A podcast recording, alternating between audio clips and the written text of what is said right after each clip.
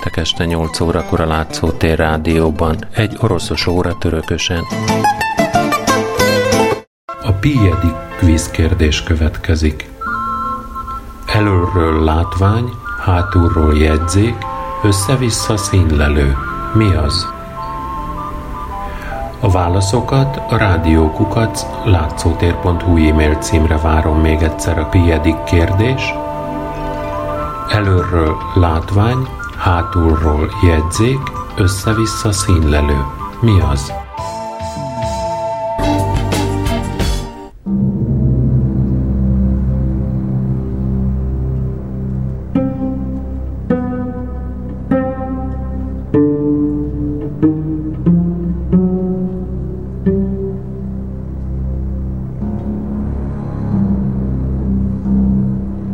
Az 50-es, 60-as évek jelentős változásokat hoztak a társadalom tekintetében a Szovjetunióban. Két ezzel foglalkozó író művei és élete mellett nem tudok elmenni az évszázad egyik igen meghatározó szerzőjének, a legutóbb tárgyalt Szolzsenyicénnek a regényei mellett. Ezért a mai alkalommal az ő főbb műveiről esik elsőként szó.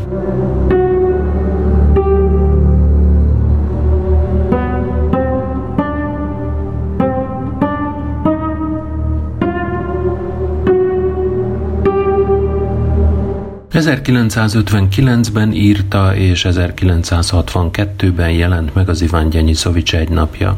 A mű eredeti címe SC854 volt. Az író egy fennmaradt fényképén az SC282-es számot viseli a rabruháján. A cím konkrét fogalmai általánossá tágíthatók.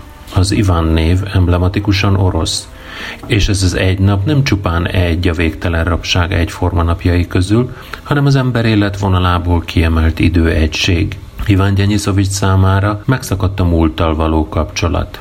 A feleségére alig emlékszik, összezavarják a falujából érkező otthoni hírek, és az évente engedélyezett két levelében sincs miről írnia. Iván Gyenyisovics Suhov számára nem csak a múlt, a jövő felé is zárt az idő. Szabadulását nem tudja elképzelni. Tudja, hogy mások is újabb büntetéseket kaptak, amikor lejárt az idejük, és már haza sem vágyik, mert nem tudja elképzelni a kinti életet. Ez az egy nap, a történelmi időszám egyenesen is csak azért felel meg egy konkrét 1951-es januári napnak, hogy pontosan tudjuk, a Stalin éra alatt történik mindez. Épp az idő kettős ábrázolása vezethet el Szolzsenyicin alapvető mondandójához, amely a földi hamis törvény és az isteni igaz törvény szembeállításán alapul. A tábori lámpák és a fényszórók rendre elhomályosítják, túlragyogják a csillagokat. Még a nap is, mintha oszlopok között látszana, és a fogoly első gondolata azt kérdi, nem húznak-e oda is szöges drótot.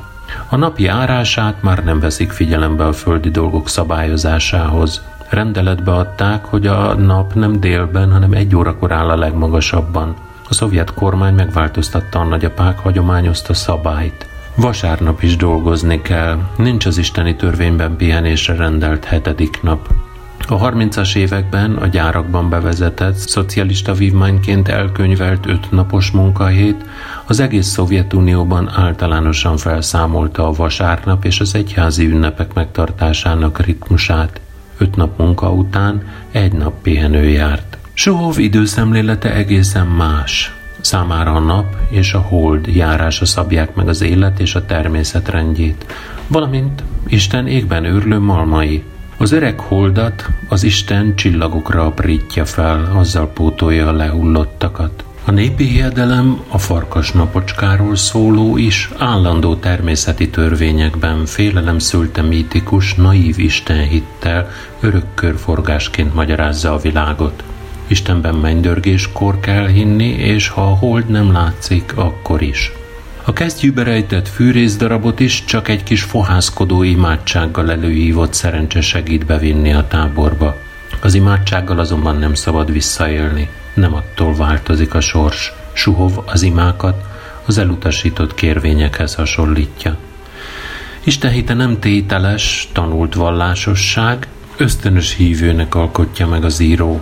számára Isten maga a természetes világrend, és mindenféle rend innen ered, a munkáé, a tisztességé, a túlélésé, és legfőképpen a szilárd értékeké. Suhov hite nem specifikusan pravoszláv hit. Nem hirdet békességet és belenyugvást, sőt, semmit nem hirdet, nem prédikál, inkább szűkszavú, szótlan. A Suhov tisztelte természeti rend alig észrevehetően felülkerekedik a novella vége felé. A nap felemelkedve kiszabadul az oszlopok közül, bíborvörös fénye szinte már melegít. Suhovnak a nap végét csak a napszálta jelzi, nem a kongatás. A munkaidő után is dolgozik, mert sajnálná a kárba veszett habarcsot. Munkája lázadás, mert individuális cselekedet. Csak azért tud tovább dolgozni, mert van saját, titokban rejtegetett vakolólapátja, amit nem kell leadnia. A rabok tudják, hogy az égben őrlő malmok forgatják a földi időt. Már az őket lágerbe juttató emberek is letűntek, ki maga is táborba, ki a halálba. A lámpások fénye elhomályosul a holdfényben, a csillagok tündökölnek. A híres, keserűen ironikus befejező mondatokban az ember alkotta időmérés is erőtlennek bizonyul a nagy körforgással szemben. A lemeztelenített tér nincs megnevezve. Ez a téridő szerkezet és az egy központi szereplő körül zajló cselekmény sokkal inkább megfelel a novella műfajának, mint sem a kis regénynek, ahogyan a kritikusok egy része nevezi az Iván Gyenyisovicsot. Hólepte üres térség. Csípős, gonosz szél fújdogál kelet felől. Szembe a széllel, szembe a vörös lőfelkelő nappal. Jobbról, balról, ameddig a szem ellát, hólepte síkság – Egyetlen egy fa sem nő az egész tyeppen. Így látjuk ezt a tél idei sivatagot, amely díszletszerűségével is lemeztelenített filozófiai teret sejthet. A magyarban közszolgáltatási telepnek nevezett retteget munkahely a Szocbitgaradok vagy Szocgaradok. Az a szocváros pedig kietlen pusztaság, csupa behavazott meredély, és mielőtt bármihez kezdenének, gödröket kell ásni, oszlopokat állítani, és önmagukat szöges dróttal elkeríteni, nehogy megszökjenek. Azután jöhet az építkezés. Ez maga a szocializmus, amely magunk teremtette fogolytábor egy kietlen pusztaságban, sugalja Szolzsenyicin ezzel a képpel, és ezelőtt a háttér előtt az egész cselekmény egzisztenciális eseménynek tűnik. A természet is csupasz, ellenséges. Tél van, a fagy ugyanúgy átjárja a foglyok minden porcikáját, ahogyan a külső világ, rendszer, lágerrend behotal az élet minden szférájába, és nem hagy ellenőrzés nélkül egy pillanatot sem. Miközben az embert a félelem és a túlélési ösztön magányossá teszi, állandóan kollektívába kényszerítve, kényszer napirendben és menetuszlopokban összeterelt tömegben oldódik föl maradék egyénisége – a táborban nem szabad egyedül járnia. Brigádjában eszik, dolgozik, kell és fekszik. A brigád ambivalens életkeret, kényszer közösség, de mégis közösség. A főnökség helyett tart szemmel, hiszen ha egy valaki késlekedik, mindenki bűnhődik miatta. Ugyanakkor munka közösséget is alkot, a munkában egyéniségekké válhatnak a tagjai. Iván például a brigádvezetőnek is adhat tanácsot hierarchiája belső is. Aki gyenge, segítséget kaphat, aki segít, emberi voltában felemelkedik, de a besúgott, a sunyit kiközösítik. Az író Suhov szemével a hagyományos orosz paraszti munka közösségeket is láttatja a brigádban. A mű a munka himnuszaként is értelmezhető, mint a munka megtartó erejének, az orosz paraszt munka szeretetének pszichológiailag hiteles belső ábrázolása. Suhov zavartan gondol a szőnyegfestéssel megkereshető könnyű pénzekre, amiről felesége ír a levelekben. Szerinte annak a pénznek, amiért nem izzadt az ember, nem is lehet örülni. Szolzsenyicin a paraszti fizikai munka etikai értékét jeleníti meg hősében – és ehhez hasonlóan értelmezi a saját életében kialakított írás etikát, amely szerint az írás extatikus, kötelességszerű gyakorlása életben tartó elhivatás. Ilyen értelemben magának az építésnek, a fal emelésnek szimbolikus értelmet is tulajdoníthat az olvasó. Suhov nem a falért, nem az épületért dolgozik, hanem saját lelkének egészségéért, saját épülésért, saját örömére. Így érezheti magát embernek, és szabadnak is. Szolzsenyicin filozófiai síkon is értelmezi az építést. Suhov szűkszavúságára jellemző, hogy a süket szenykával dolgozik együtt a legszívesebben, aki mindenkinél okosabb, szó nélkül is megért mindent, együgyű. A süketségnek, mint fogyatékosságnak ez a felfogása hasonló a szent félkegyelmű népi értelmezéséhez. Aki bolond, annak összefüggéstelen mondatai mögött isteni kinyilatkoztatás sejlik. Aki süket, annak a fejében bizonyosan bölcsebbek a gondolatok. Szenyka egész életében hallgat, de a novellában kétszer is megszólal. A kimondhatatlan tudásának szent aurája veszi körül, a szavak hiába valóságának titka tragikus életéből fakad. Négyszer esett német fogságba, túlélte Buchenwaldot, onnan került orosz táborba. Suhovval ők ketten jutnak legmesszebb vagy legmagasabbra az euforikus fal emelési lázban – ők maradnak fent legtovább a szabott időn túl, s ekkor a süket megszólal. Az építés szinte szakrális folyamattá, gyógyító megtartó ereje révén szimbolikussá válik. Az emberiség javára munkálkodók közös, mindig épülő építményében egy kicsi részé. De ez a munka reálisan értelmetlen és groteszkül bevégezhetetlen.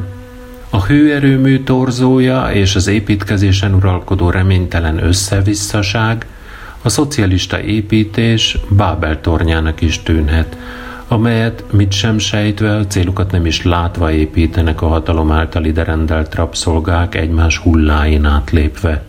Az Iván Gyenyisovics narrációs rendszere több rétegű. Az elbeszélő hangja még a harmadik személyű narrációban is átcsap Suhov belső monológiaiba mondataiba, egyfajta közvetett skaz elbeszélésbe. Az egybefonódó hangok ellenére Suhov egy percig sem szócsöve az írónak, gondolatai nem elvontak. Szolzsenyicin annál negatívabb alakoknak mutatja az elméleti vitákat folytató Cézárt, a versíró lógós Vdavuskint, és általában a volt értelmiséget, Fetyukovot, a brigád sakálját, Dert, a pallért mind könnyű munkát kapnak, mind lógósok. Az irodai jelenetben Cézár a volt filmrendező Eisenstein filmjeiről beszél. Itt nem Cézár esztétikai nézetei, és nem is az író erről alkotott véleménye a fontos, hanem Suhov helyzete. Egy hidegről jött, átfagyott fizikai munkás átsorog az ajtóban és várja, amíg a jól lakottabb, meleg irodában tétlenkedő társának odaadhatja az ebédjét, és azt reméli talán kap belőle szolgálataiért. Eisenstein itt nem esztétikai vita téma, hanem az életben maradáshoz szükségtelen úri huncutság. Az író nemzet szemlélete a kisregény nem orosz szereplőinek dinamikájában mutatkozik meg. Az ukrán banderista Pavlo áll legközelebb Ivánhoz. Cezár Markovics viszont irodán dolgozik, csomagokat kap. Ivánnak ad belőle szolgálataiért. Alá- és fölirendeltségük kölcsönös. Cezár gazdagabb és kivételezett, de ezért meg is vetik, le is nézik, még a csomagjára sem tud vigyázni, kicsit életképtelennek és főleg idegennek tekintik. Az észtek és lettek magukba zárkózva élnek, összetartanak, becsületesek, de szintén idegenek, kívülállók. A hideg-meleg kint-bent anyag-lélek ellentét domináns motivum a műben. A kinti hőmérő csak nem akar mínusz 41 fokot mutatni, hogy a lágerben maradhassanak, és a benti lázmérő is megáll 37.2-nél. Kint 27 fok volt, Suhovban 37, majd eldől melyik az erősebb. Nem csak a hőmérők, de a tárgyak általában felnagyítva, illetve jelentőségükben egy-egy pillanatban kizárólagossá válva jelennek meg – a saját készítésű kanál, a saját vakolólapát, a talált fűrészdarabka, a szájvédő rongy, a dédelgetett cipő mind személyessé teszik az életet, és a rabságban a birtoklás kivételes érzését adják. Szolzsenyicin realizmusáról fontos beszélni. Az író teljes életművén észrevehető, hogy mindig a valóságból vett élmény, történet és alak szolgálművei megírásához kiinduló pontul. Maga utal rá, melyik alaknak ki volt a prototípusa, hol, mikor találkozott vele, hol lakott Matriona, hogy tényleg volt a Taskenti Rákkórházban Tolstoy kötet, és ezeket az érveket, mint realizmusának bizonyítékait nem csak akkor sorolta elő, amikor megvadult írószövetségi és pártkritikusok mindenféle cenzúrát szolgáló érveit verte vissza, hanem saját eszeiben és nyilatkozataiban, összegyűjtött műveinek párizsi kiadásához írott előszavában is. Az író legendás kartoték rendszerében számon tartja minden egyes hősét és összes találkozásukat.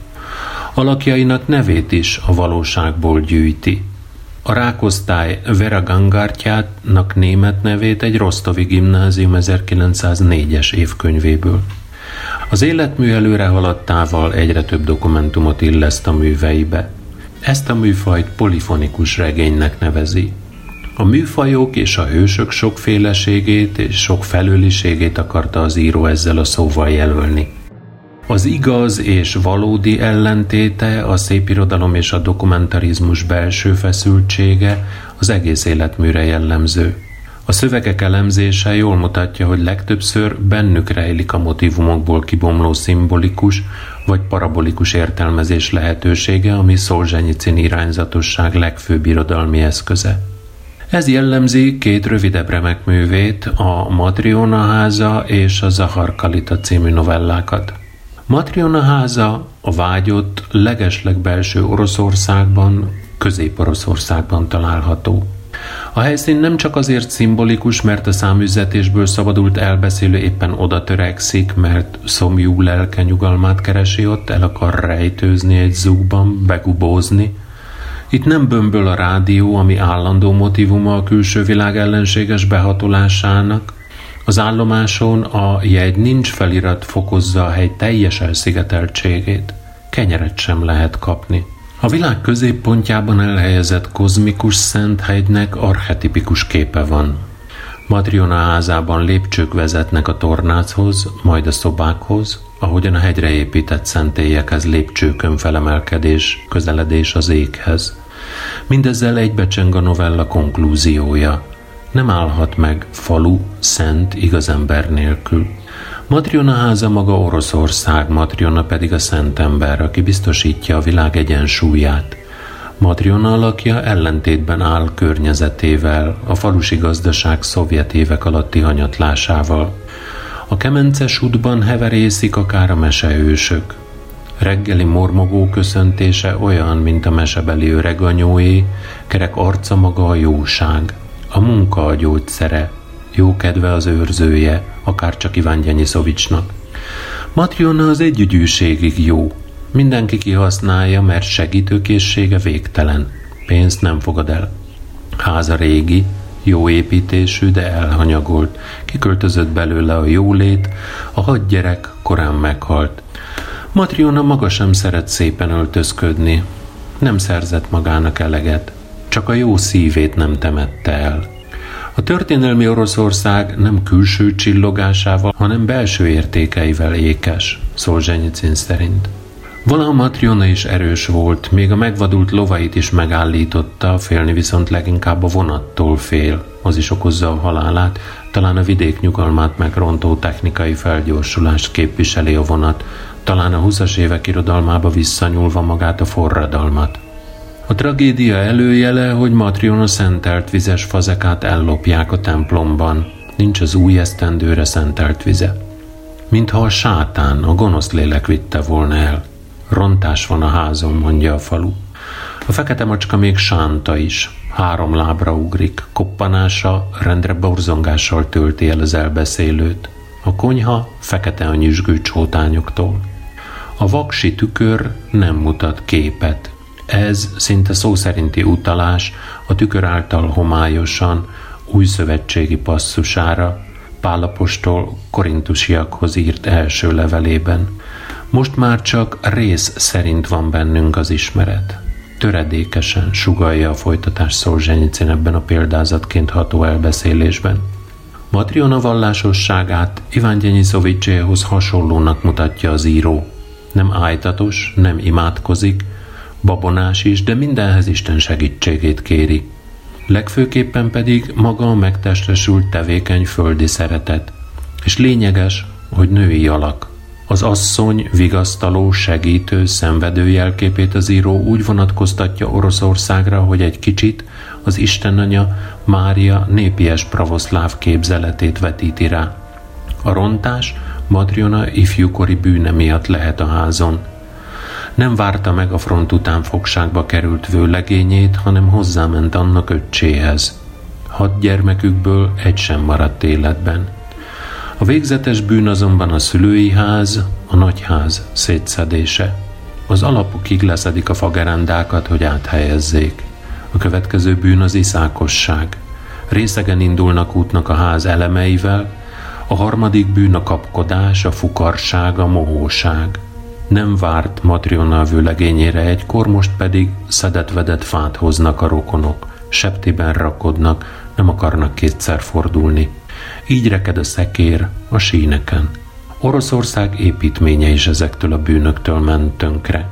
A Matriona háza iskolát teremtett az orosz irodalomban.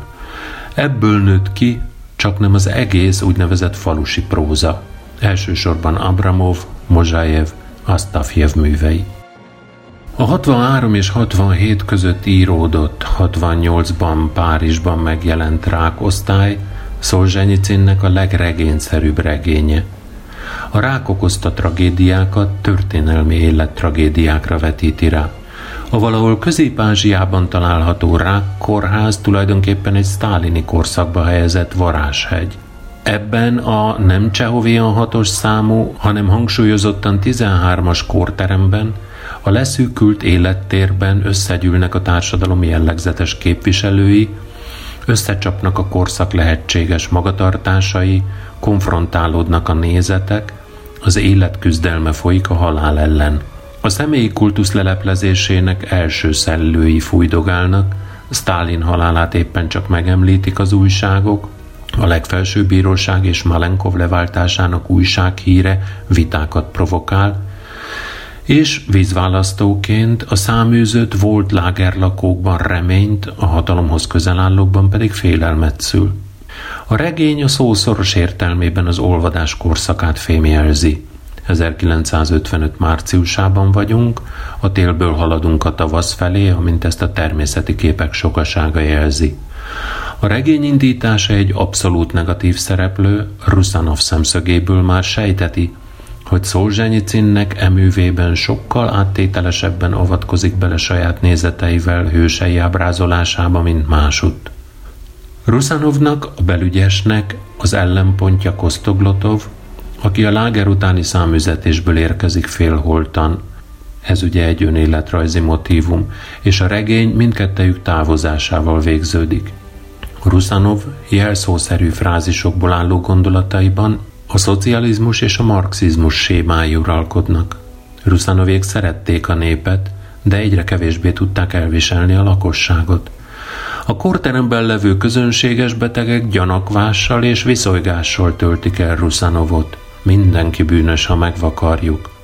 Ha az ilyen alakokat megkaparjuk, mindig kiderül a burzsóá származásuk hangoztatja. És mint kiderül, múltjában ennek megfelelően tette el az embereket az útjából, például a társbérlőit, hogy szobáit megkaphassa. Az író a kegyetlen kínzó módszerekkel dolgozó kis király Stálin egész családjának természetrajzát adja a kispolgári ügyeske káder feleség, az aznapi vezércikkekben diktált ideológiát könnyeden követő újságíró leány, a családban ügyetlennek tartott kezdő ügyészségi jogászfiú és az elkényeztetett kisebb gyerek típusos portréiban. Rusanov belső gondolataiban hitelesen követi az önző, gyáva, esendő ember betegség okozta kedély hullámzásait, de a negatív alakok kissé egysíkú ábrázolásán átsüt a szerző dühe. Kosztoglatov alakjában a lágerből kikerült ember lélektani változásait élheti át az olvasó. Az egyetemről a háborúba, onnan a táborba, majd a szabadulás után a rák fogságába kerülő férfi csodaként éli meg az élet minden apró rezdülését. Az első konvoj nélkül megtett lépéseket, a fényszóróktól nem halványított csillagokat, a barackfa virágzását, ugyanakkor gyanakvással, bizalmatlansággal szemléli az ideológia és a hatalom oldalán álló embereket. Tisztán látja, hogy a frázisok szajkózásával, az úgynevezett szocialista eszmékkel privilégiumokat, anyagi javakat és hatalmat lehet szerezni. Betegségének paradoxona, hogy gyógyszerei férfiúi potenciáját rombolják, és a végre nők közelségébe került érett férfi vergődése két nő, az égi és a földi szerelem, Vega és Zója között, élet és halál közötti választást is jelent. Az író azonban nem engedi egyik kapcsolatba sem belépni ősét, aki méltóságát csak magányosan őrizheti meg. Kostoglotov kórház utáni egynapos vándorlása, a városi élet mohó újraérzékelése és újrapróbálása, annak felfedezése, hogy húst is lehet enni, és hogy az embereknek van gallérméretük. Állatkerti látogatásában Szolzsenyicin a láger életre szóló szemléletformáló hatását mutatja. A volt rab minden rács mögötti állatot rab típusként definiál. A regény komorzáró mondata, Kosztoglotov csizmája, mint két halott, himbálózott orrával lefelé, sem a betegség kimenetelét, sem a főhős jövőjét nem engedi látni. A betegség többszörös metafora ebben a regényben. A kórház mindenek előtt rabság. Aki eddig nem volt rács mögött, az csak most tapasztalja a szabadság elvesztését, és így az kerül fölénybe, aki még lejjebbről, a valódi rabságból jön. Kosztoglotov ebben a helycserében egyre magabiztosabbá válik. Istenségként szónokol a szabadok előtt arról, hogy a rák olyan parazita az emberem, mint a táborok az ország testén, és ahogy a daganat, a betegség húzódik vissza, úgy szorul vissza a sztálinizmus is.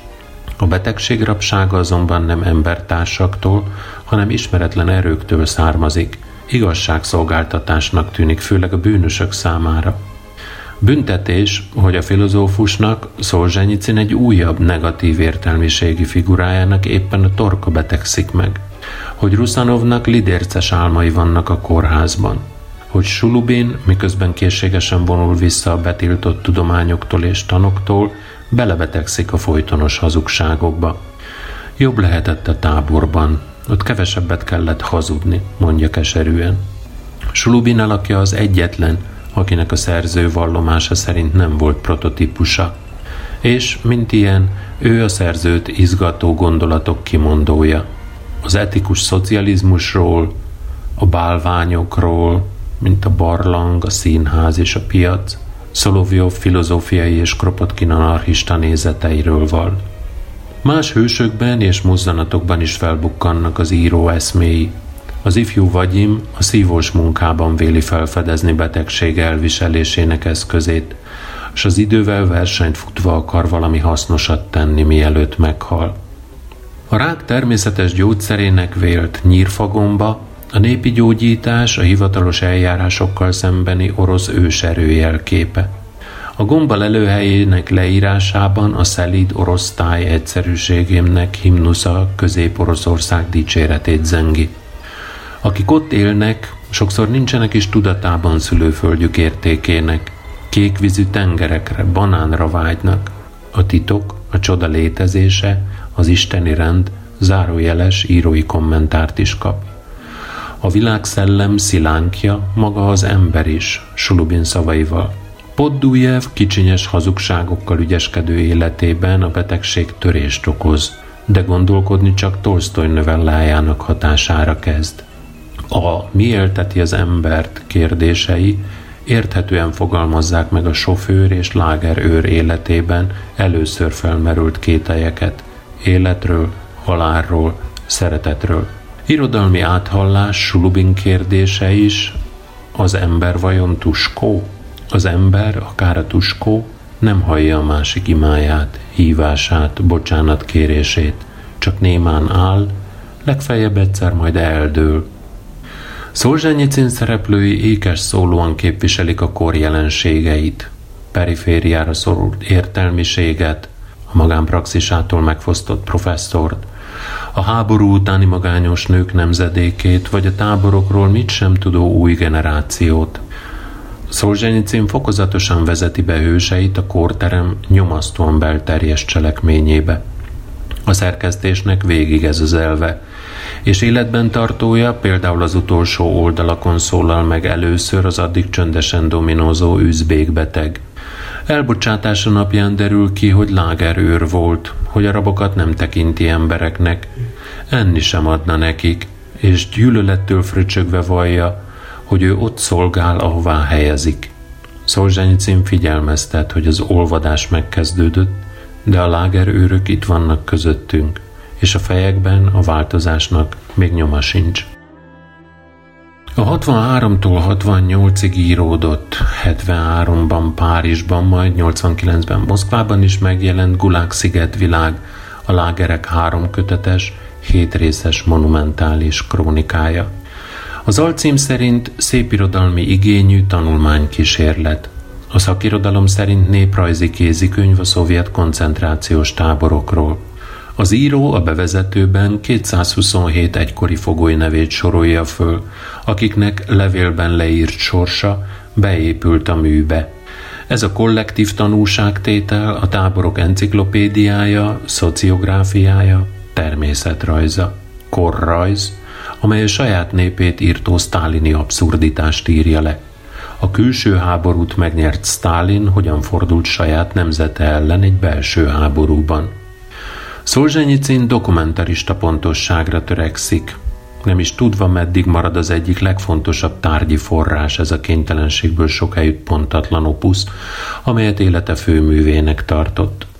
Összegyűjtötte táborok neveit, a letartóztatási hullámokat, melyik kis népet mikor deportálták, a kínzási módozatokat és bevezetésük idejét, és a háborúban bűnössé nyilvánított hősök kategóriáit.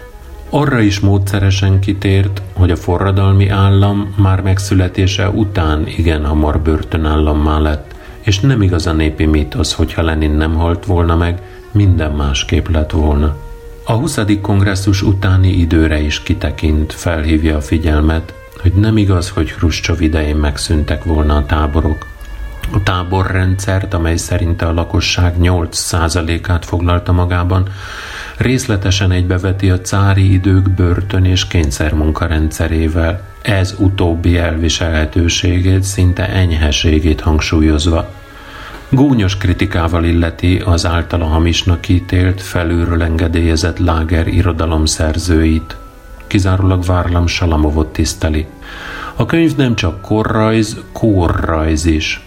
Pszichológiai körkép arról, mit tehet a tábor egzisztenciális határhelyzetébe kényszerített ember akkor, amikor nincs köztes választás, vagy hitvány lesz, vagy szent.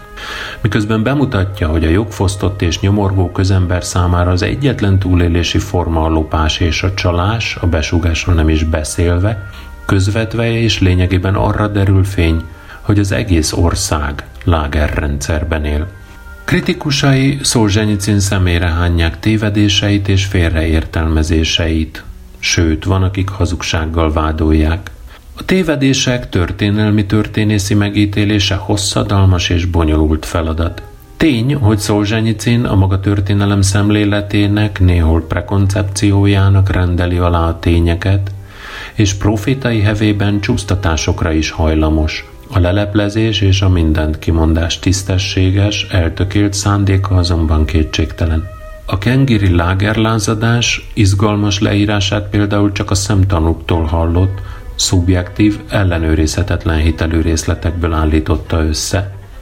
Érthető viszont azoknak a lázadást megélt embereknek a hevessége is, akik személyre hányták a valóság elferdítését. Szolzsenyicin irodalmi eszközei a retorika széles skáláját vonultatják föl.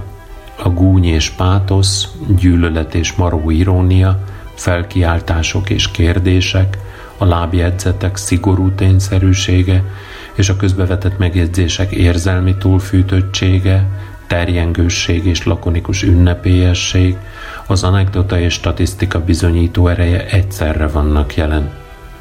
A pamflettől a vádiratig terjedő széles skálán váltakoznak a művön belül az irodalmi és nem irodalmi műfajok.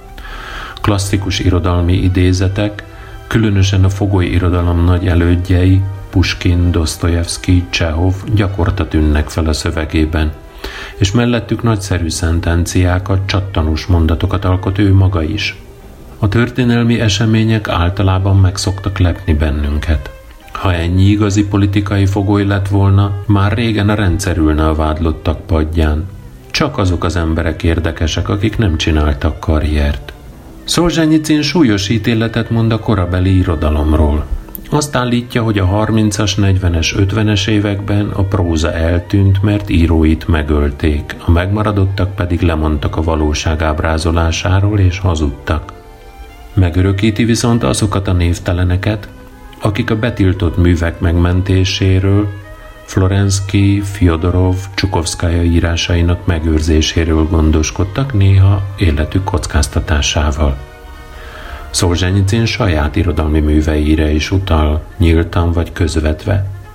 Az Iván Gyenyiszovicshoz kapcsolódik az a rész, amelyikben leírja, hogyan alakult ki benne a falépítés lélekelmelő élménye, a piszkos fizikai munkában hogyan ismerte fel a nem henyélni, túlélni követelményét, és ebben az öntökéletesítés morális törvényét. Hangsúlyozza, hogy a más lágerekről szóló irodalmi művekben mellőzött egyszerű Ivánt, az orosz parasztot csak ő választotta hőséül, és megerősíti a főhős nevének általánosító értelmezését.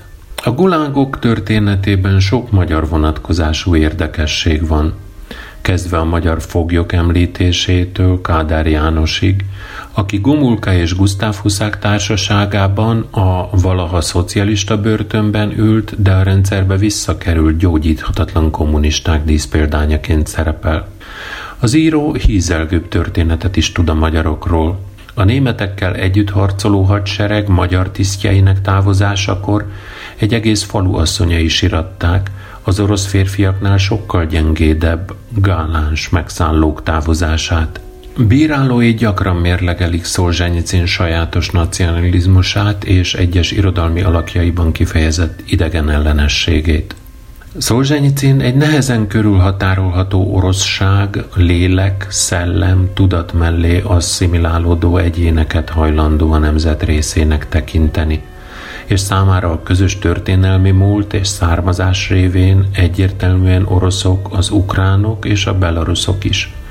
Viszont a sok nemzetiségű államban terveit megvalósíthatatlannak látja, félti a veszélyeztetett, kihalóban levő oroszokat, ezért negatívak zsidó alakjai, akik Szolzsenyicin szemében idegen testrészek, a nemzet egységesnek álmodott szerves organizmusában. A 2001-ben megjelent könyve a 200 év együtt az oroszországi zsidók történetének első kötete új fényt vet a kérdésre.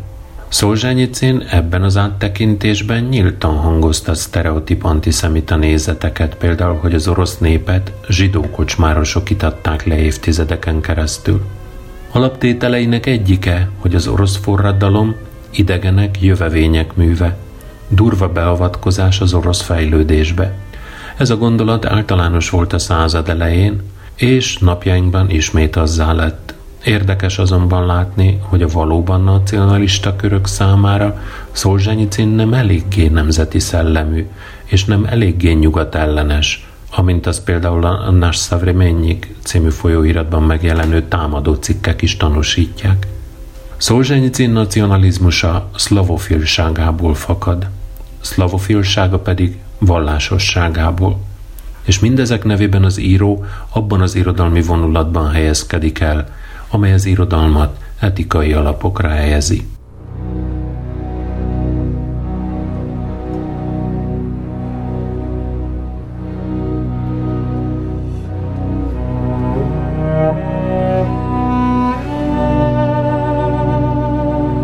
Csingiz Ajtmatov kirgiz kétnyelvű író. Műveit kezdetben kirgizül írta, és javarészt ő maga fordította oroszra, majd a 60-as évektől többnyire eleve oroszul ír. Kirgizia északnyugati részén Seker faluban született, két kultúrában nőtt fel. Nagyanyjánál, majd nagynényénél élve megismerte a kirgiz települések, az aulok életét – és magába itta a népi legendákat, meséket, dalokat. Ugyanakkor neveltetésének köszönhetően az orosz kultúrát is magáénak vallja, hiszen orosz tannyelvű iskolába járt. Apja az első kirgiz kommunisták egyike, vezető pártmunkás volt. 1937-ben a sztálini terror áldozata lett. A világháború alatt Ajtmatov már 14 évesen írástudóként a falu tanács titkára, ismeri a falu minden lakójának valamennyi gondját. A háború után elvégzi az állatorvosi technikumot, majd a mezőgazdasági akadémiát. 1952-ben jelennek meg az első művei. 56 és 58 között Moszkvában a Gorki Irodalmi Főiskolán tanult, folyóiratot szerkesztett, majd a Pravda kirgíziai tudósítója lett. 1958-ban írta a Jamila szerelme című művét, ezzel vált világszerte híressé. 1966-ban már a rangos Novimir közölte a verseny Lóhalála című regényét. Ajtmatov nem idegenkedett a közéleti szerepléstől. A Szovjetunió legfelsőbb tanácsának küldötte, a Kirgiz Filmművészek Szövetségének elnöke, a Szovjet Író Szövetség választmányának tagja volt. A Szovjetunió hivatalos álláspontját tükrözték a külön kötetben megjelent felszólalásai, interjúi, többek között a Szovjetunió nemzetiségi politikájáról és az afganisztáni bevonulásról. Az 1987-ben megjelent Vesztőhely című regényéről folytatott széles körű vita a peresztrojka egyik nagy eseménye lett, ugyanis a olyan problémákat vetett fel, kábítószerfogyasztás, ökológia, vallásosság, amelyekről csak ekkoriban kezdtek nyíltan szólni az országba. Ajtmatov 90 és 94 között luxemburgi nagykövet volt, 94-ben elnyerte az osztrák állami irodalmi díjat, most Kirgizia követe a Benelux államokban és az UNESCO-ban. Korai elbeszéléseiben, kisregényeiben a természethez közel élő nép vívja mindennapos harcát az elemekkel. Hajtmatónál a természet különösen gazdag szerepét láthatjuk a társadalmi kulturális konfliktusok ábrázolása során is. A nomád életformájú, írásbeliséggel alig-alig rendelkező kirgizek életében a forradalom a nagy családi kötöttségek gyengülését, a városiasodást, a tanulási lehetőségeket hozza meg a fiatalabbaknak, ugyanakkor az erőszakos ideológia családtagokat állít szembe egymással, hatására népi tradíciók merülnek feledésbe. Hajtmatov történeteiben élesen jelennek meg ezek a konfliktusok. Kár, hogy az író tompítja őket egy-egy didaktikus bekezdéssel vagy érzelemdús kommentárral. Az 1952-ben írt Szemtől szemben című elbeszélésében egy szovjet katona hazaszökik a háborúból, felesége segítségével bujkál az Aul lakói elől, az asszony eközben osztja a település minden bánatát, keserves életét, hiszen az Aul ősi közössége szinte egy testként visel minden veszteséget.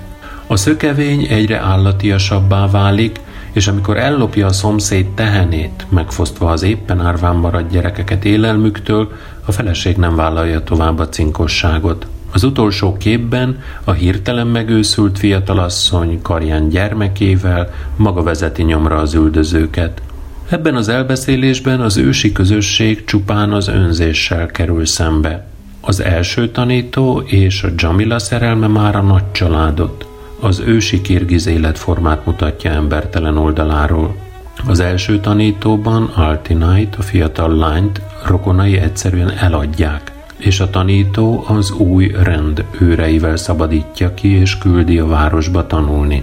A Jamila szerelmének hősei, Daniel és Jamila sem remélhetnek az Aul közösségében szabad életet és szabad választást, kénytelenek elhagyni a falut. Daniel különleges lényének titka éppen a hegyek, a természet, az élet határtalan szeretete.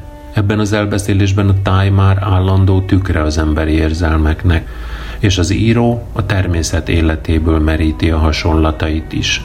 Jamila férjének levelei úgy hasonlítottak egymáshoz, mint egyik bárány a másikhoz a jünyájban.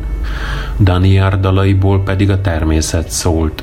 A hegyek és a sztyeppek hangja volt ez, néha csengőn a magasba tört, mint a kirgiz hegyek, néha szélesen elterült, mint a kazak sztyepp.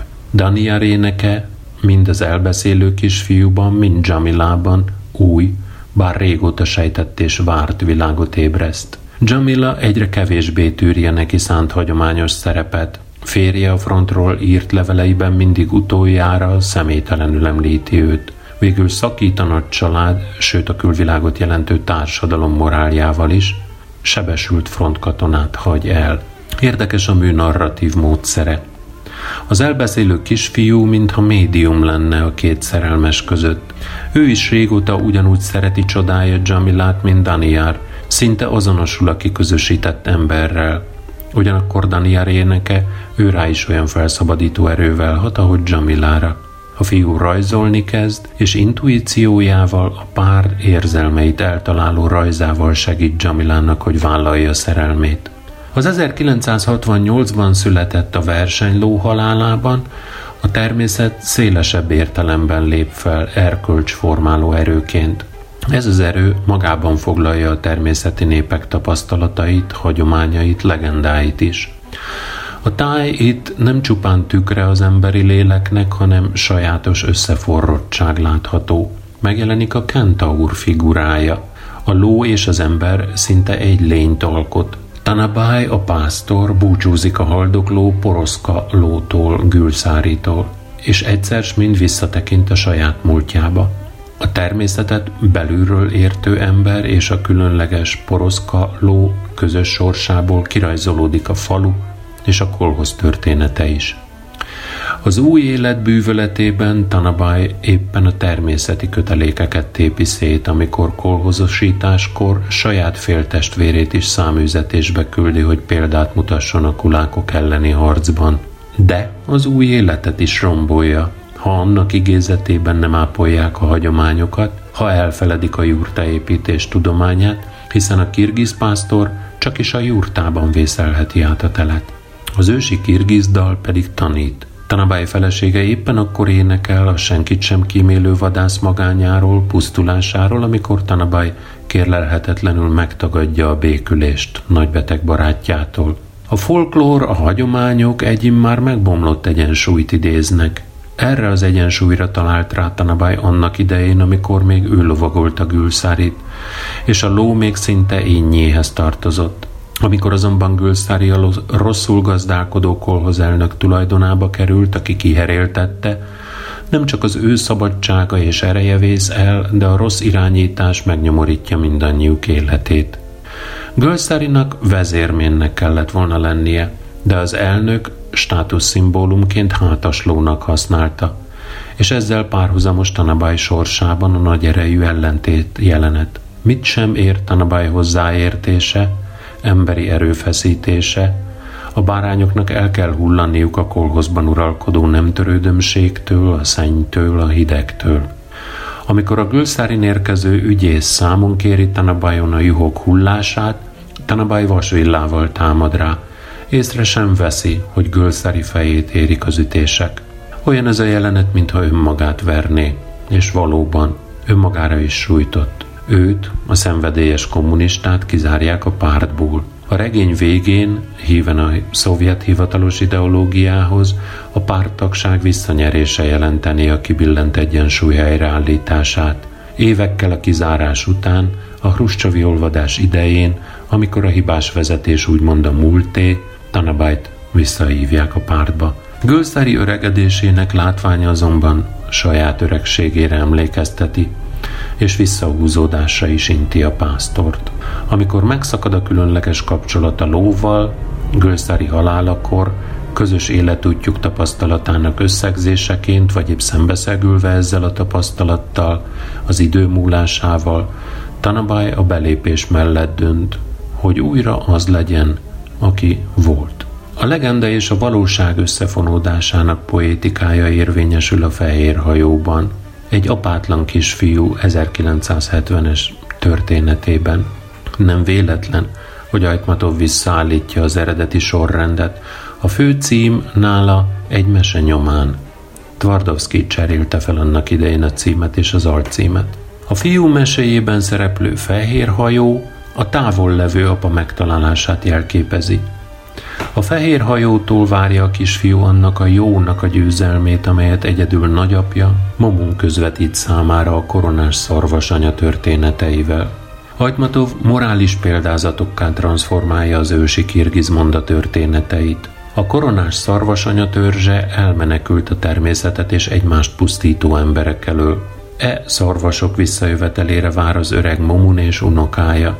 Nem hisz a legendában a fiú nagybátyja, a városi életről álmodó hatalmaskodó oroszkul, aki a haszon reményében akár törvénytelenül is írtja a természetet, kegyetlenül megtorolja a gyönge nagyapa lázadását.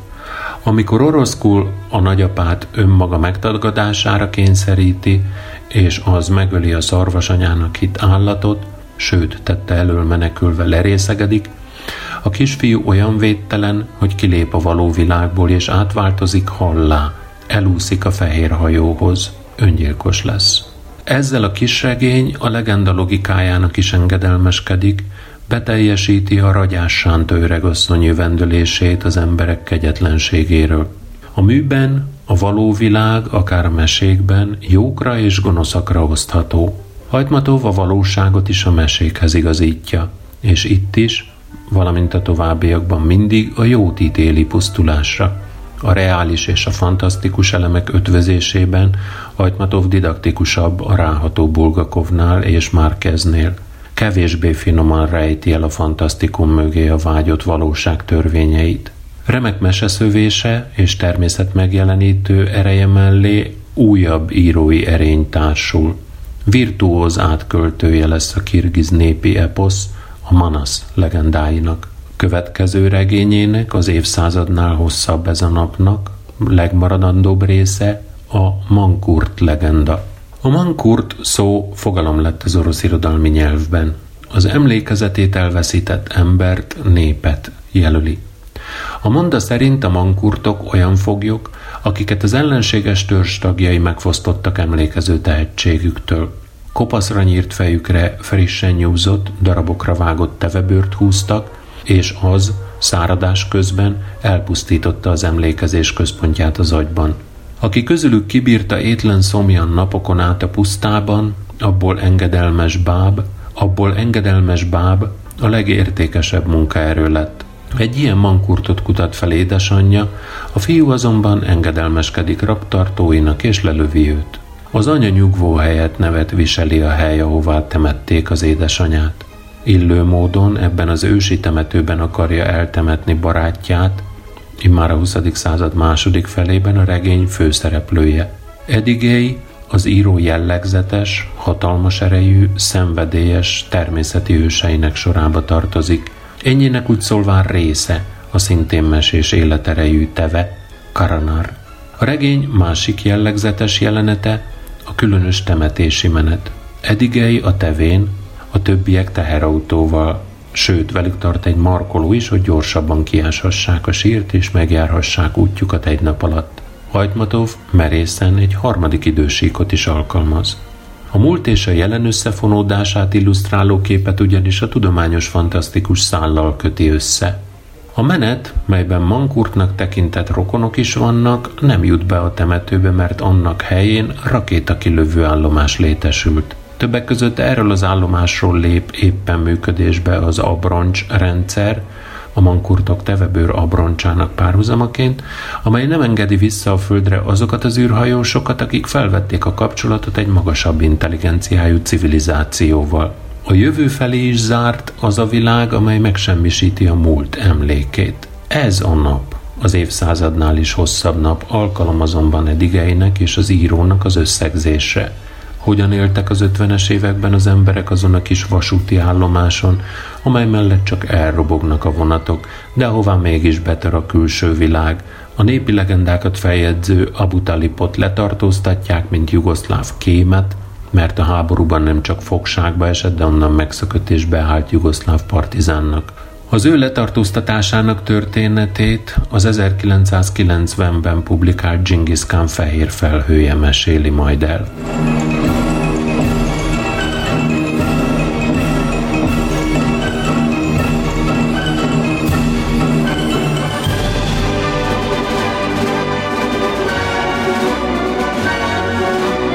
Az 1918-ban született Vladimir Dugyincev friss jogi egyetemi diplomával került a második világháború frontjára. Megsebesült, majd Szibériába irányították, ahol katonai ügyészségen dolgozott. 1951-ig újságíróskodott. 1952-ben jelent meg első elbeszélés kötete. 56-ban a Novi Mir közölte, nem csak kenyérrel él az ember című első regényét. A körülötte kirobbant vita évekig tartott.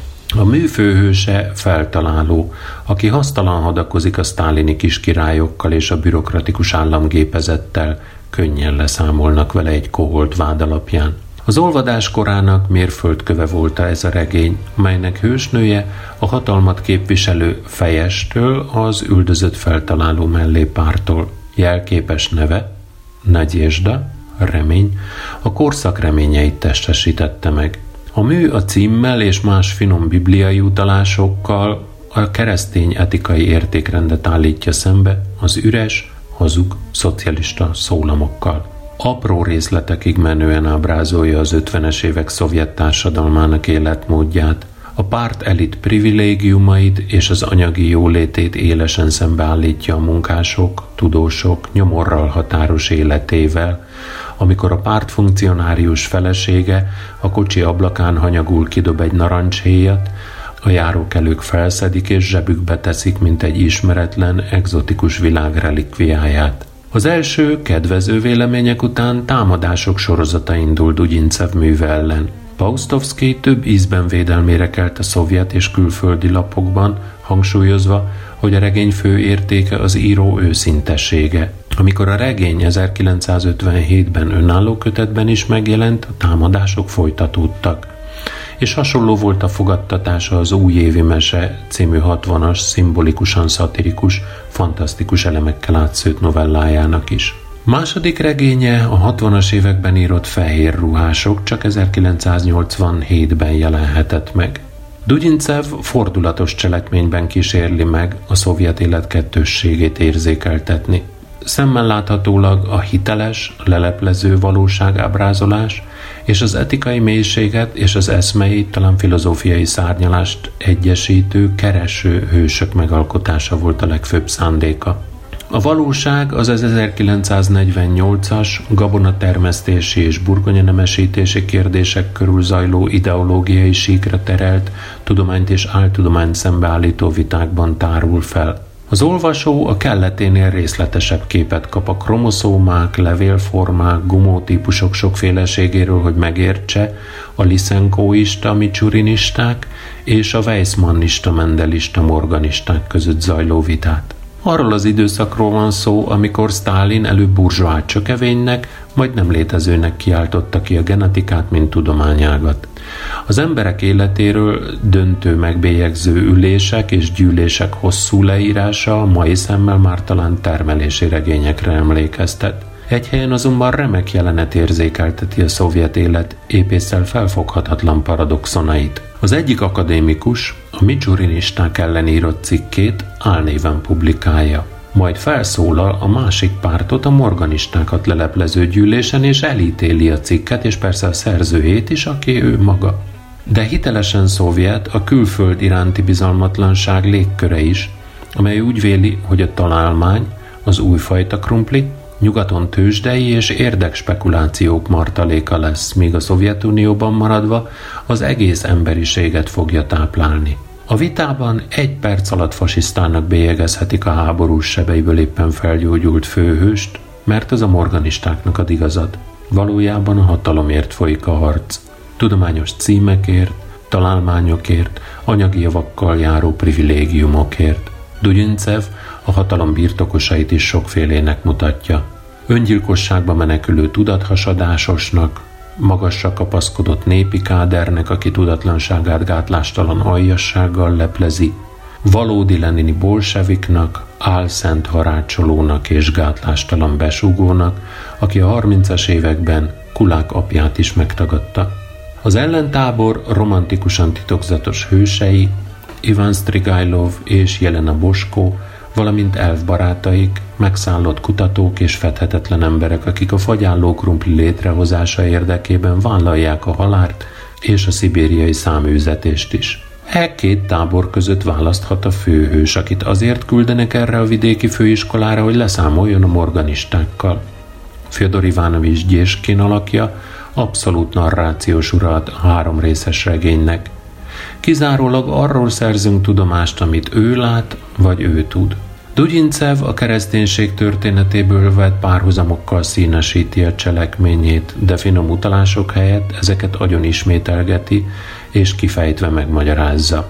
Gyéskin először Torquemada az inkvizitor szerepében érkezik, majd Szent Sebestyénné válik, aki a Cézár szolgálatában az üldözöttek híve és hittérítője. Bibliai utalás maga a cím is. Ezek azok, akik megfehérítették ruhájukat a bárány vérében. Dugyincev regénye az olvadás korszakának jellegzetes műve. A valódi szovjet emberek győznek benne, a rosszak meghalnak, az igazság halassan is győzedelmeskedik. A főhős frontot járt, sebesült veterán, így nyilván értékesebb figura, mint a hátországi szobakukac tudós lenne. Képzett, okos, szorgalmas, elhivatott. Mindössze az nem derül ki, miért szegődött eddig az uralkodó irányvonalhoz. A fehér ruhások a szovjet irodalomnak abba az amnéziás vonulatába tartozik, amely már nem kapcsolódott a század eleje és a 20-as évek irodalmi újításaihoz, hanem elsősorban a társadalomrajzra koncentrált, és így valószínűleg értékes korrajzként fog megmaradni az irodalom történetben.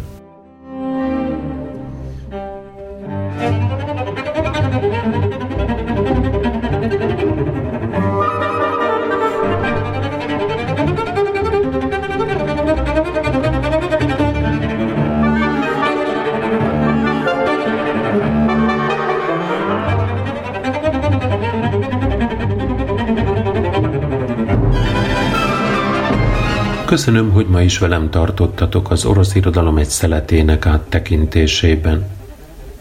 Szokásomnak megfelelően péntek este 9 óra lévén a hétvégét ünnepélyesen elrendelem.